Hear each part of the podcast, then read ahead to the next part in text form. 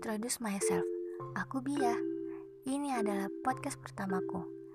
Hmm, entahlah, mungkin ini adalah hal yang paling random atau hal yang paling nekat yang pernah aku buat.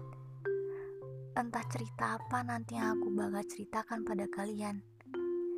Dan yang penting aku berbagi cerita yang pernah aku rasakan atau mungkin yang sedang aku alami sekarang.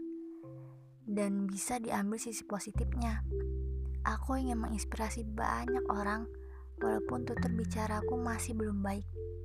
Dan aku butuh didengarkan tanpa disudutkan. Aku tidak perlu solusi yang bisa menyudutkan aku sampai bikin aku makin down. Yang terpenting, aku hanya butuh seseorang yang bisa mendengarkan aku, walaupun kadang nggak bisa 24 per 7 untuk aku.